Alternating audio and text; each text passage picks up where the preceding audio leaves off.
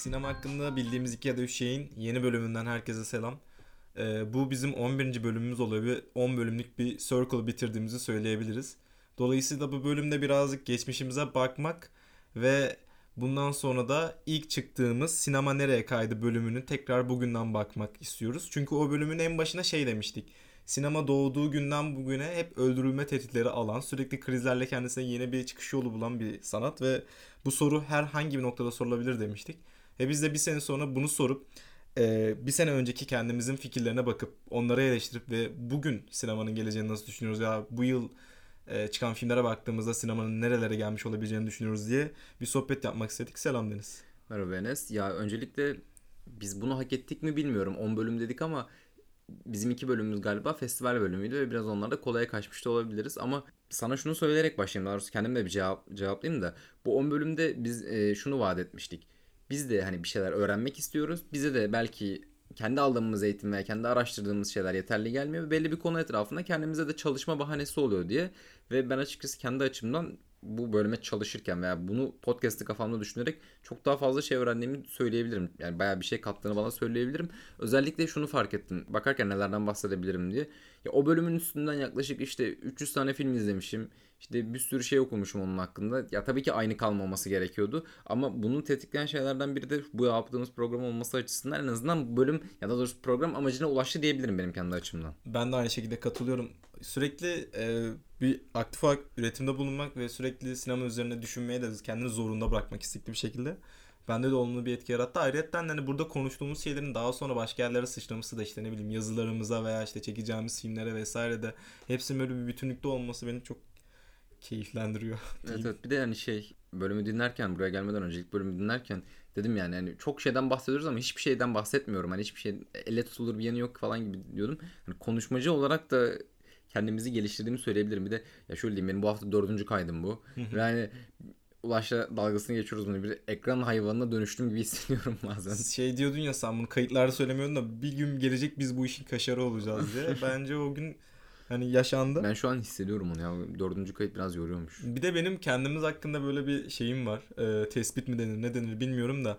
Öyle keywordler kullanıyoruz ki böyle artık belli bir röportaja giderken, belli bir konu evet, konuşurken evet. veya birisi belli bir şey söylediğinde senin ne diyeceğini, kendimi ne diyeceğimi tahmin edebiliyorum. Öyle sen işte yeni bir paradigmadan, işte meta hikayelerden bahsetme, ben video oyunlarından bahsetme. Böyle belli keywordlerden bahsedin artık o kadar kendimizi ciddiye almıyorum evet, ve dalga hani, geçesim geliyor ki yanımıza. Özellikle röportajlarda bizim ilk klasik sorumuz biçim içerik e, sorusunda her zaman oraya yazılıyor evde hiç usanmadan. evet. Ve bu, bunları söyledikten sonra o zaman şey hızlıca bir de e, sinema hakkında bildiğimiz iki ya da üç şeyin en sevdiğin iki bölümü. Ya galiba e, yeni bir naratörcüye ihtiyaç var mı bir de kamerası sinema sanırım. Tamam. Son iki bölümümüz sanırım ki bu da bazı şeyler söylüyor diyebilirim ee, bizim podcast'in gelişme açısından bu, bu bölümün gelişme açısından. Ben de şöyle sinema gerçeği anlatabilir mi artı? Sinemada yeni bir narratörce ihtiyacımız var mı? Çünkü gerçeği anlatabilir mi de yaptığımız o biçimsel tercihteki evet, o oyunbazlık evet. hala bana çok iyi veriyor. Güzel fikirdi bence. Hala kendime tebrik ediyorum evet. bu konu hakkında. Ama kimse de anlamadı. Çünkü az dinleniyoruz. bu da böyle bir kalsın burada yani. Biz hala bir senedir geldiğimiz noktada çok dinlenmediğimizde o konuda tatmin olmadığımızda burada dinleyenlerimizle paylaşalım diyerek uzatmadan geçen sene çıkardığımız ilk bölümümüzün kritiğiyle o bölümde neler söylemiştik bugün onları katılıyor muyuz diyerek tartışmaya başlayalım. Biz birazdan ilk bölümde söylediklerimizi eleştirisini yapacağız. Eğer dinlemek istemiyorsanız açıklamada bulunan e, süre koduna tıklayıp direkt şu anki fikirlerimizi dinlemeye başlayabilirsiniz. Ama eğer dinlemek isterseniz devam edebilirsiniz.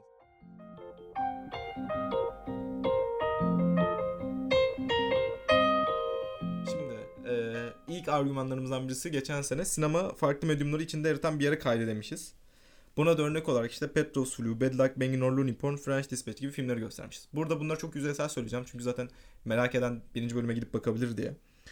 Ee, ardından demişiz ki medyumların içe geçmesi için özgür bir olarak zihin sineması var demişiz. Ben hala aynı fikirdeyim bunlarla bu arada. Bir şey değişmedi ya, bu ben konuda. belki onlardan bahsetmek yerine biraz da şey oldu ya. Sanırım 2021'de biz bunu kaydettiğimizde çok fazla bizim şeyi ilgilendiren filmler çıkmıştı. Bizim ilk bölümümüzü ilgilendiren filmler çıkmıştı. Belki bu sene bu kaydı ilk kez alıyor olsaydık, o ilk kaydı bu sene alıyor olsaydık çok daha farklı şeylerden bahsedebilirdik. Çünkü bizi buraya kaydıran mesela Anet'tir, Matrix'tir, Petros Flu'dur, senin bahsettiğin işte Francis 5'lerdir falan. Hani onlar buraya bizi e, getirdiği gibi geliyor. Çünkü onların aynı senede gerçekten yani Anet ve Matrix'in aynı senede çıkması bir daha denk gelebilecek şeyler değil yani. Ben öyle hissediyorum bunun açısından. Yok yok ben de katılıyorum. Bizi sinema biraz buraya getirmiş gibi oldu. E, bu sene de ben biraz daha şey yapmak istiyorum. Gene geçen bölümde yaptığımız gibi hani geçen sene son zamanlarda izlediğim filmlerden benim bakış açımı etkileyen iki farklı tür ayırabilirim açıkçası burada. Bir hala yıl sonu listelerde uzun metraj olarak kendime aldığım yani koyduğum işte Crimes of the Future'dan bahsedebilirim belki burada veya After Sun'dan bahsedebilirim belki sinemaya yeni bir şey katma açısından. Çünkü ben After Sun'ın hani ne kadar çok büyük bir fan olmasam da sinemaya o zihin sinemasına kurcalayıp nostaljiye bakışa, bakış atma açısından kendi zihninin süzgecinden geçirip hatırladığı kadarıyla o filmi kurması açısından değerli olduğunu düşünüyorum. Yani en azından bir yönetmenin ilk filminde sinemaya farklı bir nostalji sinemasına farklı bir bakış açısı getirmeye çalıştığını düşünüyorum. Ki belki de bu sene bunun yılı olmuş da olabilir. Özellikle 2022'nin başında yayınlanan Paul Thomas Anderson Licorice Pizzası onun da kendi nostaljiye bakış açısıyla beraber Paul Thomas Anderson sinemasında apayrı bir yerde duruyor. Ve bizden bu bölüm yayınlandığında çıkmış olur büyük ihtimal ama şu an biz kaydalırken bir hafta sonra çıkacak olan da e, Fabelmanlar Spielberg'ün o aynı şekilde oluyor. Veya Inarritu'nun Bardo'su çıktı biz bu kayda almadan bir iki hafta önce. O da bu şekilde bakış atmış oluyor. Veya Oscar'a aday gösterilen Belfast o da aynı şekilde bir nostalji duygusu o zihnin geçmişteki bir duyguyu, çocukluktaki bir duyguyu alıp sinemaya taşıma açısından belki de bunun yılı olmuş olabilir benim bakış açıma göre 2022. Ne kadar 2021 meta anlatılar ve sinemada farklı bir olanak getirip biçim ve içeriğin değişmesi olarak görüyorsam da bu senede nostalji ve zihnin sinema yansıması olarak değerlendiriyorum ben biraz. Gelecekte de böyle artarak devam edecek. Peki biraz e, bilmiyorum, problematik sene... o ya. Nereye gidiyor diyoruz evet, evet.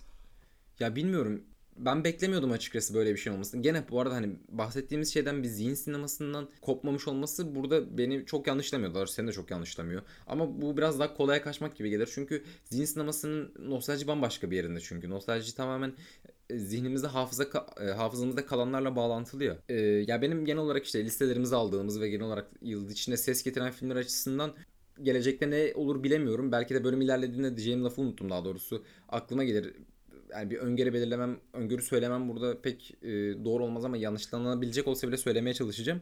Bir ikinci farklı turdan bahsetmiştim ama oraya geçmeden önce Enes bu, bu konuyla alakalı bir şeyler eklesin. O ikinci partta da bizim esasen bütün bölümlerimizi etkileyen ve çok daha fazla isminden sıkça bahsettiğimiz e, yönetmenlere ve daha doğrusu bizim de bu sene tanıştığımız kişilerin sinemalarına geçeceğiz. İlk baş bir birinci bölümde söylediğim şeyleri bitirelim. Orada sinema video oyunlarını yakınsıyor olabilir mi diye bir şey atmışım ortaya ben. Ee, Will Halbert'ten de alıntı yapmışım. Daha sonra da zaten bu ismi her yazımda da kullandım. Hatta böyle yayınlanmayan yazılarım vesaire de var. Video oyunları sinemaya özgürleştirdim vesaire gibi. Bir de bu kaydı alırken ilk başta kaydı galiba 30 kere falan okumuşsun Hah, sen onu. Öyle bir durum da var evet. Acemiliğimizden dolayı böyle 10 kere aldığımız için kaydı. Ya bugünden bakınca katılmıyorum diyorum net bir şekilde. Sinema ile video oyunlarının arasındaki ilişki beni heyecanlandırdığı için sanırım bunu böyle görmek istemişim. Ve arada geç gerçekten su götürmez bir şekilde bir ilişki var. Ve iki sanat dalı birbirinden bir yani paslaşmayla çok fazla şey alıp veriyor. Ama bunu bu şekilde ifade etmek şu andan bakınca doğru gelmiyor. Birazcık daha kuş bakışı bakıyorum şu an ve bunu söyleyebilirim. Ya ben de şunu ekleyeyim istiyorsan video oyunlarına ufacık. Bahsettiğinde bölümde sen de ben de sana hak vermiştim ama belki de çok detaylı düşünmediğimden bu konu hakkında. Ama bu sene tükettiğimiz şeyler falan biraz daha hani pardon sinema video oyunları biraz daha içine alıyormuş gibi hissediyorum ben araç olarak kullanıyormuş gibi onlara yakınsamaktan ziyade kendi bir aracı haline getirmek. Mesela filmin böyle bazen aksak yapısı, onun işte müziğe yaklaşmasından falan bahsedilir ya. Ama sonra işte sinema müziği de aslında içine kapsayan bir sanat. Hani bütün sanatları kapsayan bir sanat gibisinden ya. Şimdi kapsadığı şeyleri biraz daha video oyunu da katılıyormuş gibi geliyor bana. Ona yakınsamaktan ziyade. Yani ilk başta fotoğrafa yakınsamaktan ziyade fotoğrafı kapsadı ve o evet, şekilde evet, ona devam etti ya. Biraz açıklısın dedim. Yo ben daha sonra bundan zaten bölümün ilerleyen devamında ikinci kısmında bahsedeceğim şey ama şu an bir şey demiyorum. Bölümü hızlıca bitirmek için. Daha sonrasında TikTok'un olduğu bir dünyada sinema ne yapar diye havalı bir cümle sormuşuz. Sen de demişsin yani, ki havalı yapsa şekilde... yapsa neti yapar demişsin. Katılıyorum ya hiçbir şey değiştirmiyorum. Benim için de bir şey değiştirmedi. Evet oradaki olay yine birazcık daha evet, dikiş evet. izlerinin belli olması ve meta hikayeler bağlamında söylenmişti o. Bunun üstüne e, büyük hikayelerin çöküşü, Tenet ve Dune'un örneklenmesi. Ya Anet de aslında çok da küçük bir hikaye değil ya. Leos Karas büyük hikayeleri seviyor gene. büyük prodüksiyonlu şeyleri seviyor. Ama büyük prodüksiyonlu şey, şey, şeyleri sevdiğinin de farkında olarak yapıyor. Leos Kars burada konuşmak istemiyorum hani bambaşka bir mevzu ama mesela e, bir Denis Villeneuve'ün büyük hikaye yaklaşımı ile Leos Karas'ın büyük hikaye yaklaşımı farklı. Hani Denis Villeneuve büyük bir film yapmaya çalışıyor aynı zamanda. Ama Leos Karas büyük bir hikayesini büyük prodüksiyonla bambaşka bir şey yapmaya çalışıyor. Kendi sinemasını yapmaya çalışıyor. Hedefi daha farklı. Evet. E, ardından da dikkat etiğinin düşmesi demişiz. Deniz demiş ki bence sinemaya vurulabilecek en büyük darbe e, sinema salonlarına giren ve kapanmayan ekranlardan oluşuyor demiş. Ben hak vermemiştim bir ay sonra vesaire. Dedim haklıymış. Çok alakasız bir yerde. Meyhanede müzik dinlerken oldu böyle bu da. Saçma bir Ya bilgi buna da- olarak vereyim. Buna da şöyle bir cevap verebiliriz bence sende de ortak bir şekilde. Buna da en büyük cevabı biz bu bölümü yayınladıktan birkaç ay sonra çıkan Everything Everywhere All at Once oldu. O seyircinin dikkat eşiğiyle oynayarak esasında onu filmin içinden bir saniye bile çıkarmamaya çalışarak böyle incelikli bir yapı kurarak yapmaya çalışıyordu bunu. Çünkü o da çok farkındaydı. O filmde hani bu dikkat eşiğinin düştüğünün çok farkında olarak yapılmıştı zaten. Etkileyici kısmı da oradaydı zaten. Evet, ben izlemedim ama yazılanlardan okuduklarıyla katılıyorum sana. Ardından internet hikayelerden bahsetmişiz. Post-truth bağlamına girmişiz. Sen demişsin ki Kemal Tahir'in şöyle bir lafı var. At it dizine karıştı diye. Sonra da bölümü bitirmişiz. O zaman geçebiliriz. Şu an neler düşünüyoruz? Bugünün sineması, bu sene çıkan filmler bize neler düşürdü? İlla ki bu sene çıkmış olmasına gerek yok. Bu sene keşfettiğimiz isimler veya bu sene okuduğumuz bir yazı, bir kitap neler bize katmış olabilir diye başlayalım. Ee, benim için de şu anda yeni keşfettiğim bir isim ve e, yeni okuduğum bir kitabın bu fikirlerimi oluşturmasında etkisi olduğunu söyleyerek başlayayım. Öncelikle Post Sinema bu kitabın adı ve Yazar olarak da Lev Monevich'in fikirleri sana da attım sen de okudun. Daha dijital sinemanın başlangıcında yazdığı bir yazı vardı ama bugünden bile bakıldığında yenilikçi duruyor. Ayrıca de daha okumaya henüz başlamasam da belli alıntıları okuduğum bir kitabı daha var. The Language of New Media diye Lev Monevich'in. Kendisi bir yeni medya sanatçısı ve yeni medya üzerine çalışan bir Rus akademisyen. Ee, sinemayı ben daha çok artık bir e, yeni medya sanatları ve sanat olmayan yeni medya da dahil olmak üzere buna bir konuşulan ortak dil gibi görmeye başladım. Yani sanki bugünün bu dünyanın İngilizcesiymiş gibi bütün işte video oyunları da olabilir. Bu sosyal medya da olabilir veya VR bir oyun veya film de olabilir.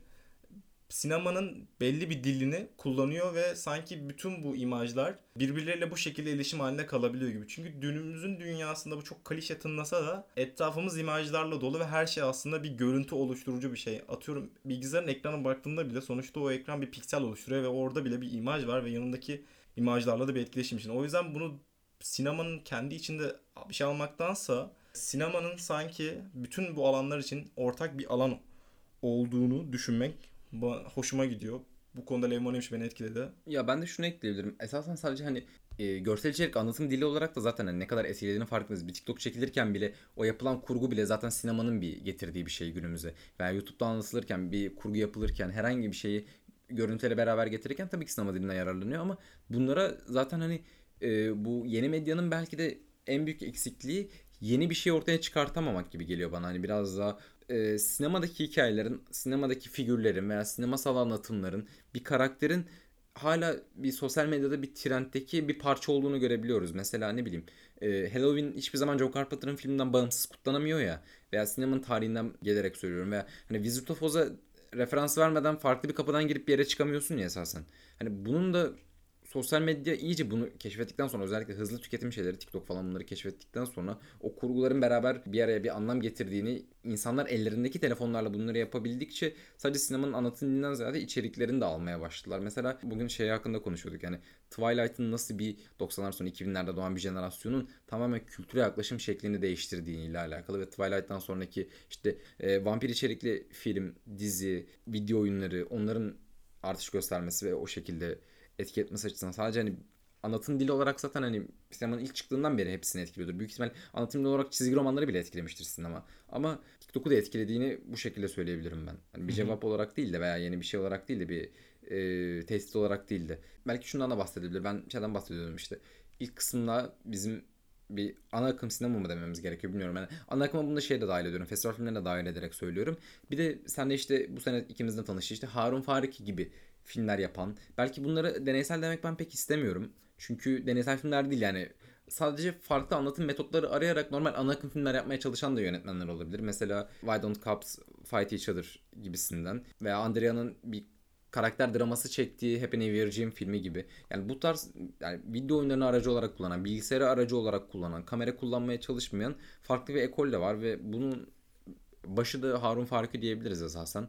Belki de Harun Faruki'nin sinemaya getirdiği şeyler, sanatçı olarak sinemaya getirdiği şeyler ki bunların belki de ileride işte bu tarz yandan eklemelerin, bu tarz sanatçıların ve daha doğrusu sinema ile bir şeylerle ilgilenen insanların belki şu an bahsettiğimiz işte o Licorice pizzalardaki nostalji anlatısına da farklı bir yerden e, belki bu nesil büyüdükten sonra bir bakış getirebilirler gibime geliyor.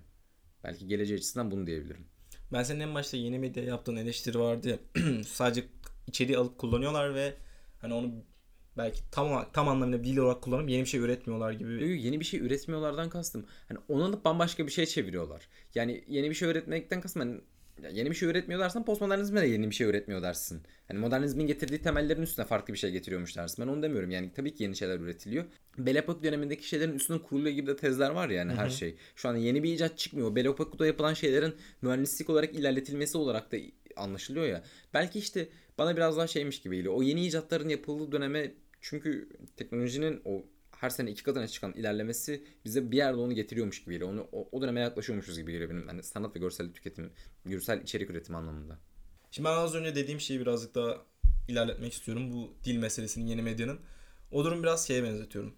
Bilim kurgu filmlerinde insanlık dünyadan başka gezegenlere gitmiştir ama dünyada da yaşam devam ediyordur ve işte gittiği gezegenlerde insanlar başka canlılarla beraber olup yeni türler arası canlılar üretmiştir ya. Bunun gibi görmek istiyorum birazcık daha. Sinema kendi içinde de yolculuğuna devam ediyor. Kendi sınırları içerisinde de yenilikler üretiyor sürekli. Ama kendi çeperi dışında da bu türler arası karşılaşmaların bir alanı, bir üreticisi haline gelmiş gibi. Bir yandan da bu az önce dedim ya işte e, video oyunlarıyla olan sinemanın işte geçen sene buna daha sanki görmek istediğim gibi gör, görmeye çalışıyormuşum gibi dedim. Bu sene ise daha biraz mesafeliyim. Orada şey demek istiyorum. Sinema hani varoluşundan beri tiyatro, müzik, resim, fotoğraf birçok sanat dalını zaten kendi içinde barındırabilen bir sanattı. Belki bunun en büyük sebebi de yani o teknolojiyle olan bağından dolayı. Ve şu ansa hani sinemadan daha teknolojiyle bağı yüksek sanatların çıkmış olmasından dolayı sinema aynı zamanda başka sanatların içinde de kalabiliyor. Yani artık o tepe kümenin en üstündeki o değil de artık o da bir alt küme olmuş gibi demek istiyorum bunu. Ve bu video oyunlarıyla ilişkisini örnek olarak da yani bunun tek tarafta olan bir süreç değil. Yani sinema video oyunlarını yakınsamaya çalışıyor veya video oyunları sinemanın dilini taklit ediyordan öteye aslında bunun karşılıklı bir alver ilişkisi olduğunu da işte başlangıçta söyledim ama hızlıca örnekler atmak istiyorum buraya not etmiştim. Örneğin 99'da Matrix'in Bullet Time'ının yarattığı efekt daha sonrasında bir first person shooter olan Max Payne'in direkt oyunun temel dinamiği haline geliyor. Orada da işte bullet time efektini yapabiliyorsun savaşırken. Bunu sürekli yapabiliyorsun. Oyunun en kendisinin PR'ını yaparken de öne çıkardığı özelliklerinden bir tanesi. Veya e, Medal of Honor Frontline'ın Saving Private Ryan'ın estetiğini taklit etmesi ya da Kick-Ass filminin tamamen birinci şahıs gözünden böyle bir video oyunu gibi çekilmiş olması Call of Duty 4'e benziyor. Ardından The Amazing Spider-Man'in işte bu parkur sekanslarının Mirror's Edge'e benzemesi ki o da bir parkur oyunu gibi bu ilişkiler daha karşılıklı ve daha sanki sabit bir zeminde, eşit bir zeminde yapılıyormuş gibi. Ya ben de şunu ekleyeyim istiyorsan sana. Hani senin dediğin şeyi düşünmemiştim ama bana ben mantıklı geldi. Hani sinemanın da artık bir müzik gibi, edebiyat gibi diğer sanatları etkileyen hani çünkü sinema her zaman var olduğundan beri diğer sanatlardan etkilenerek onları içine kapsayarak yolunu devam ettiriyordu. Şimdi gerçekten hani şu an belki adı konulmasa bile yeni medya sanatları demek belki daha doğru olur. Yeni medya sanatının esasen bir parçası gibi, müzik gibi bir parçası gibi olmaya gitmesi bana bir hayli mantıklı geldi. Ya bilmiyorum bazen bazı yönetmenlerin de bundan farkında olduğunu hissedebiliyorum sanırım. Belki de benim için bu senenin en büyük işi daha doğrusu hani en beğendiğim işi Lars von Trier'in 25 yıl sonra çektiği Kingdom'ı ve ilk Kingdom'ı yaptığında işte e, 4 dörder bölümlük 2 sezonluk bir mini dizi. 3. sezonu devam ettiremiyor çünkü iki tane başrol oyuncusu ölüyor ve haliyle tabii ki diziyi ara verme kararı alıyor. Çünkü sonunda çok açıkta kalıyor. 25 yıl sonra tamamen Kingdom Exodus diye işte Kingdom çıkış, krallıktan çıkış diye bir şey yapıyor. 5 bölümlük e, bir mini diziyle onu bitiriyor. Ve bu sefer yaparken gerçekten Lars Trier'e ne yaptığının o kadar farkında ki. Daha doğrusu karakterler de onun geçmişteki şeylerin hani oynayan karakterler de bu onun bir dizi olduğunun farkında. Bir yerde gidip işte Lars von Trier bize salak saçma metinler veriyordu. Bize metinleri zaten zorla söylüyorduk gibi diyor. Bir yerde işte turistler oraya gezerken burası Lars, von Trier'in odasıydı diyor. Veya başka karakter diyor ki işte ama dizide böyle olmuyor. Dürüst buraya gidince işte gerçekten bu kapılar açılıyordu falan. O burayı görebiliyordu. O ruhlarla konuşabiliyordu falan oluyor. Ve bir yerde ne bileyim çukur kazılması lazım. Ve Lars von Trier o e, dramatolojik yapıda engeller çıkar ya kara karakterlerin karşısına. O kadar umurunda değil ki o engellerin olması. Adam direkt kepçe makinesini getiriyor. Çat diye kazıyor o çukuru ve önemli olan onun şey yapmayın. Bir tanrıcılık oynuyor zaten. Ne olabilir ki sonunda yani? Ben şimdi sen Lars von Trier'i çok seviyorsun. Bir başkadır da hani abla sen ne işin biliyorsun ha. Allem ediyorsun, kallem ediyorsun lafı getiriyorsun. Misale Lars von Trier'den alacağım. Başka bir şey söyleyeceğim. Lars von Trier'e tekrar getireceğim. Hatta senin bu bahsettiğin birazcık daha o tanrıcılık oynuyor muhabbetinden de belki bahsedebiliriz.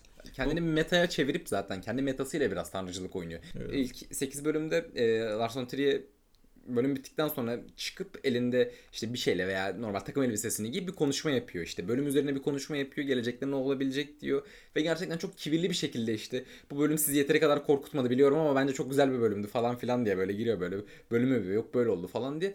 Bu sezonda ilk bölüme girdiğinde ben eski Lars von Trier gibi bir kibirli bir şekilde burada bunu konuşmayacağım deyip tamamen kırmızı bir perdenin arkasında sadece ayaklarını göstererek o şekilde konuşuyor ve bir tane bölümde ne bileyim karakter sonunda işte çok konuşarak bir bitirme seansı var işte bir şeylerden bahsedip duruyor ve Dan diye girip tamam bir sus artık be Alfmer diye biraz da ben konuşayım diye başlıyor orada girmeye konuşmaya Hı-hı. ve oradan bölümden bahsediyor salak bir şeylerden bahsediyor bir yere bağlıyor Kayb kaybolup gidiyorsun. Ben film izlemedim diziyi izlemediğim için yorum yapamıyorum az önce dediğim verdiğim vaadi belki yerine getirebilirim sadece. Buyurun.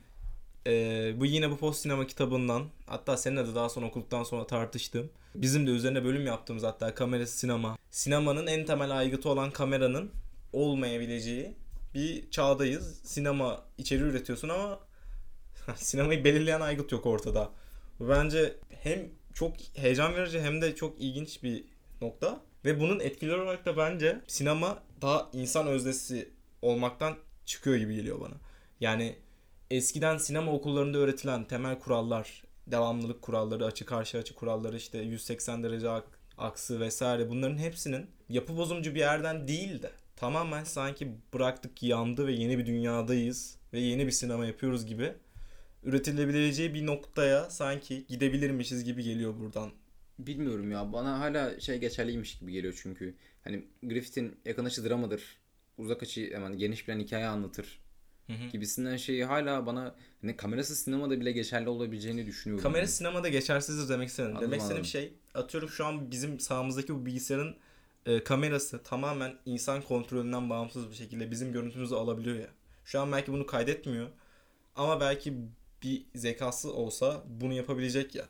Ya da zaten şu anda yapay zekalar yani bu sene hiç olmadığı kadar belki de popüler ve erişilebilir oldu. Onlardan da bahsedelim. Ama o, o zaman kime yapmış oluyor işte? O zaman kedilerin birbirine sıçmasının sanat olması gibi de olabilir yani. yani kendilerine yapıyorlar ya sonuçta Hı-hı. yaptıkları şey veya kendilerine bir şey üretiyorlar, bir veri üretiyorlar. Hani bize değil. Önemli olan hani biz çok fazla bahsettiğimiz her şey burada an- antroposentrik ya. İnsana hizmet ediyor ya burada yaptığımız her şey. Bak benim demek istediğim şey tamam haklısın. Ne oluyor o zaman kedilerin birbiri arasındaki yaptığı bir şey sanat mı oluyor? Örneği üzerinden anlıyorum demek istedim ama demek istedim bunun varlığının yine insan merkezli bir sinemaya ne yapabileceği yani tamam hedef kitlesi insan bir insan tarafından yapılıyor insanlar tarafından izlenecek ama sinemadaki o anlatım dilinin belki de eskiden olduğu şekilde yani belli argümantasyon şeması içinde belli bir zihin setinin ürünü olarak olması gerekmiyor olabilir. Atıyorum işte Lars von Trier'in melankoliyasına getirmek istiyorum aslında burada muhabbeti. Oradaki en başında tamamen amatör gibi kullanıyor kamerayı ve insanlar da bunu eleştiriyor ama Lars von Trier amatör bir yönetmen değil. Bunu yapıyorsa belli bir sebebi var aslında. Yine bir argümantasyon şeması oluşturabiliyorsun ama bunu ben ne yapı bozumcu bir yerden görüyorum ne de dümdüz var olan kuralları takip eder şekilde görüyorum. İkisi de değil başka bir şey ve kamerayı sağdan sola oluyor bir anda. Aniden zoom yapıyor. Şöyle bir, aniden çıkıyor. Şöyle bir örnek vereyim. Benim en sevdiğim, geliyor yani. Aynen, benim en sevdiğim Lars von Trier filmi 5 e, Engel ve o filmde yani tamamen homemade movie gibi görüntüler. Yani sinema nereye gidiyor alakalı olarak da daha insan merkeziyetsiz bir yere POV olarak ve bu işte az önce dediğim gibi sinema okullarında öğretilen kuralların artık geçerliliğini yitirdiği belki bir noktaya gidebilir gibisinden bu örneği vermek istedim. Yine bölümün başında dedim. Ee, bu Will Halvert ve video oyunlarıyla alakalı şeyi amma alıntıladım. O kadar uzaklaştım, yabancılaştım ki ondan dedim. Üzerine de yazı yazdığımda söyledim. Video oyunları sinema özgürleştirdi mi diye. Hayır. Bence hayır. Şimdi buna daha farklı bir perspektiften bakmak istiyorum ama hemen yapmadan önce çok vermekten zevk aldım ve podcast'te ilginç şekilde hatırladığım kadarıyla hiç vermediğim bir örnek. Fotoğraf makinesi icat edildiğinde e, resim sanatında ressamlar için bir manzarayı olduğu gibi çizmenin manasız hale geldiğini söyleyebiliriz. Çünkü zaten o gerçeği olduğu gibi dolaysız bir şekilde yakalayan bir makine var. Sen niye gerçeği gerçekçi bir şekilde ifade etmek zorunda kalasın? E bu durumda resim ölüyor mu? Resim sanatı bitiyor mu ve tarihten yok mu? Hayır. Aksine belki de kendi içinde asla gidemeyeceği bir yere gidiyor. Belki de o fotoğraf makinesi resme asla kendi başına sahip olamayacağı bir özgürlüğü veriyor. Ardından da resim, ekspresyonizm, empresyonizm gibi akımları mümkün kılıyor. Ben bu düşünce şemasını filmlere uygulayabilir miyim, sinema sanatına uygulayabilir miyim diye düşünerek yeni medya ile arasındaki işte VR, video oyunları arasındaki kontrasttan bahsederek o yazı yazmıştım. Oradaki örneklerim de yine Petro Suru, Anet gibi gerçekten kopan filmlerdi. Eskiden gerçeği olduğu gibi anlatmak isteyen sinemanın yerine artık kolaylıkla zaman mekansal düzlemden herhangi bir sebepsizce e, gidebilmesi, bir anda geleceği, bir anda geçmişe, bir anda farklı mekanlara, dekorların yıkılması, duvarların yıkılması gibi şeyleri daha rahat yapabilen. Bunların örnekleri sinema tarihinde her zaman var tabii ki. Ama bu noktaya gelmemizin, yönetmenlerin bu hikayeyi istediğim gibi anlatırım. Gerçek dünya değil burası mantığında olabilmelerinin sebebini ben buna bağlıyordum. Bunun bu kadar popüler olmasının. Ama bugün daha farklı bir ihtimalinde olabileceğini düşünüyorum. O da Christian Metz'in cümlesini duymam oldu. Kendisi bir film teorisyeni ve şöyle bir şey diyor. 70'lerde diyor hem de bunu. E, belgesel sinema güçlendikçe kurmaca filmler e, gerçekten daha dışarıya çıkabilir ve daha özgürleşebilir gibi bir cümlesi var. Birebir cümleler bu değil tabii ki. Ama bunu söylüyor. Ve bakınca da onu da podcast'te hep konuştuk. Ne Belgesel sinema. yaz, yazmıştı bunu bu arada? 70'lerde diyor bunu. Ben de sana ne diyecektim biliyor musun? Kafamda bir saattir şey düşünüyorum. Ulan diyorum 70'lerdeki 60'lardaki eleştirmen ne kadar şanslı ya. Sinemanın böyle tam zirve yılları böyle teori üretebiliyorsun. Hı hı. Yani biraz daha önünü görmek daha kolay çünkü sinema çok güçlü. Yani biz de kurcalıyoruz ya bir şeyleri böyle çomağımızı alıp. Hı hı. Şey işte atizle itizine karıştı misali Aynen, senin Aynen. ilk bölümün sonunda dedin. Ya neyse o öyle dedikten sonra bir düşündüm. Bakıyorsun son yıllarda harbiden belgesel sinema bir yükselişte. Avrupa'da ABD'de yükseldi ardından Türkiye'de sıçradı. Türkiye'de de son senelerde. Sürekli belgeseller konuşuluyor. Kurmacı filmlerden güzel filmler Ya bu çıkmıyor. senenin en beğenilen değil ama en ses getiren filmi Aşk Marka Ölüm mesela bence. Kesinlikle. Türkiye'de. Ya Kurak Günler olmasaydı belki en beğenilen diyecektim. Ya hatta. o da çok politik şeylerinden dolayı yani zaten hiçbir olay yaratmasa Kurak Günler direkt film olarak gelse hani e, politik tartışmaları olmasa bu kadar ses getirmeyi bilmiyorum. Tartışmalı aynen. Ya çok iyi örnek gerçekten. Hani gelinen nokta bu. Belki de sinema bunu kendi içinde yaptı. Belki de dış bir etken değil. Belki de ikisinden birini seçmemiz gerekmiyor. İkisi birlikte de olabilir. Ama her halükarda sinema gerçek gerçeğin külfetinden o meşaleden meşalenin taşıyıcısı olmaktan uzaklaşıyor. Ben hala bunu düşünüyorum. Bence hayatlarımızda da artık gerçeğin külfetinden uzaklaşmalıyız ama Türkiye buna izin vermiyor. Buna hiçbir şey diyesim yok bu konu hakkında ya Enes. Devam Bilemedim. Bilemedim vallahi nereye gidiyor. Koy burayı bence. Ha bu konu hakkında diyecek bir şey bulamadım yani. Enes. Böyle bir düşündüm düşündüm. Sadece tek ekleyebileceğim şey 70'lerde ne kadar şanslıymış ya vallahi bak. Hayat ne kadar güzelmiş onlara. Ben de o kadar çağımızdan yakınmıyorum ya. Bence çok Yok, ilginç ben bir zamana de doğru. çağımızdan seviyorum. Yaptığımız iş olarak diyorum ya. Hmm, Ben de tamam. çağımı seviyorum da. Yani bu şey olarak demiyorum ben nostalji ulan 70'lerde Pink Floyd falan dinliyorsun gibisinden demiyorum yani. İlk bir kuşağa takılıyorsun. aynen aynen. Ya oradan değil ben hiç ilgimi çekmiyor ama yaptıkları iş olarak hani bizim iş olarak biz şu an hani zayıflamakta olan bir şey konuşuyoruz ya gün geçtikçe. Çok fazla tehdit altında bir şey konuşuyoruz ya. O zamanlar pek de bir tehdit altında değil. Sinemanın gelecek krizi ne acaba? Ya da yaşanıyor mu çoktan da görmedik? Ya da artık Belki kriz yapar- yaşamayacak yani- olacak mı? ChatGPT geliyor benim direkt aklıma ya. Ya ne bileyim ChatGPT'ye birkaç tane senaryo yazdırdım ve gerçekten dedim ki Allah belasını versin senaristlerine mis gibi şey. Bu sinemanın krizi mi? Senaristlerin krizi mi? Dolaylı olarak sinemanın da krizi. Ya çünkü biz, o bir sektör. Sektörün parçasını çok azaltırsa ve tek kişiye kadar indirgerse o tek kişi ne zaman eee devre dışı bırakılacak o biraz tartışma ya. Yani bir kişiye kadar indiriyor, yaratıcıya kadar indiriyor. Ee, yine bu bölümde söylediklerime benzer ve aynı paralelle bir şey söyleyeceğim. Yine post sinema kitabı beni ne kadar etkilemişse artık oradan. Post continuity diye bir kavramla Gelecek karşılaştım. sene de bakarız. Ulan bizi ne kadar etkilemiş post sinema kitabı falan. Evet, her böyle. sene de böyle bir şey çıkıyor. Aynen Hatta bir öyle. şeyler çıkıyor. Bu bence çok güzel.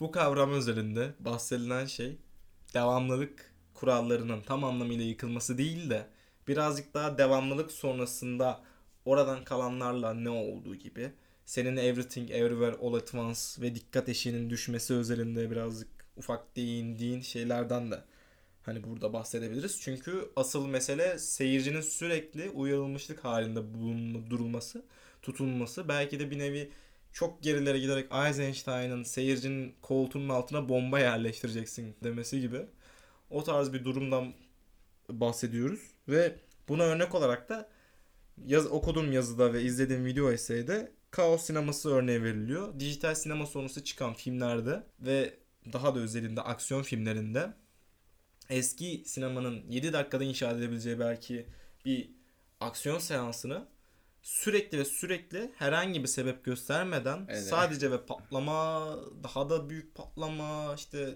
Fast and Furious'ın mesela şey Tokyo Drift'ten gökdelenlerden gökdelenlere arabayla geçmesi, arabaya uçaktan paraşütle atlaması gibi böyle artık Tom kendini yiyip bitirmiş. Son şeyinde işte e, motosikletle sırtında paraşütle bir tane uçurum rampasından atlayıp sonra paraşütü açarak falan bunun şeyini yayınladılar ve 6 tane falan motosiklet paramparça Evet ya. yaparken böyle kocaman bir düzeni kuruyorlar. Mühendisler falan geliyor. İşte tam o nokta yani. Bu sürekli uyarılmış halde bırakmak istiyorsun seyirciyi. Çünkü belki dikkate şey çok düştü. Belki de aksine insanların algılama kapasitesi arttı da sürekli bunu istiyorlar gibi. Ya da daha kolay sıkılıyoruz. Sebebi ne olursa olsun bu yazılanları okuduğumda video essay izlediğimde sonra da aksiyon filmlerine geri dönüp baktığımda hak vermiştim. Biraz Şeyi çok merak ediyorum. nereye ya, gidiyor insanların derken bundan da bahsedeyim sana. hani insanların ne bileyim bir 100 sene önce araştırma yapılabilse görsel kortekslerinin e, sinir hacmi daha doğrusu hani veri işleme hacmi demek nasıl doğru bilmiyorum ben de çok bölümsel girdim buraya bilgisayar mühendisi gibi girdim ama e, veri işleme hacmi ne duruma geldi onu bilmiyorum yani eşiğin düşmesindense gerçekten çok büyük bir kapasite artıp artık yetmemesi de olabilir. Çünkü görsel e, korteksimiz bizim normal işitsel ve koku alma korteksimizden falan çok çok daha büyük bir yer kaplıyor ve çok daha fazla şey işliyor yani veri işliyor diyebilirim orada ve onun diğer şeylerden bir şeyler mi çaldı belki aldığımız tat mı azaldı bilem bilemiyorum yani bunları bir incelemek lazım. Daha doğrusu incelemekten ziyade benim araştırmam lazım. Belki vardır böyle şeyler. Bunu bunu merak ediyorum baya. Ya aslında sinema nereye gidiyor diye konuşurken bence konuşmamız gereken şeylerden biri belki insan da nereye gidiyor falan da aynen. olmalı. Posthuman. Aynen geldik posthuman, transhuman. At ortaya bütün Hiçbir şey postla atmayacağım. başlayan bütün kelimeler at. Yok, atmayacağım hiçbir şey atmayacağım. İçinde yaşadığımız dünya, var sahip olduğumuz teknoloji, algılama biçimimizi şekillendiriyor. Dolayısıyla kullandığımız medya, bu kadar medya odaklı bir dünyada da bunu şekillendiriyor. Sinemada kendisinden sonraki sanatlara bir şeyler bırakıyor, kendi içinde gelişiyor. Bunun farklı sebepleri olabilir, olmayabilir.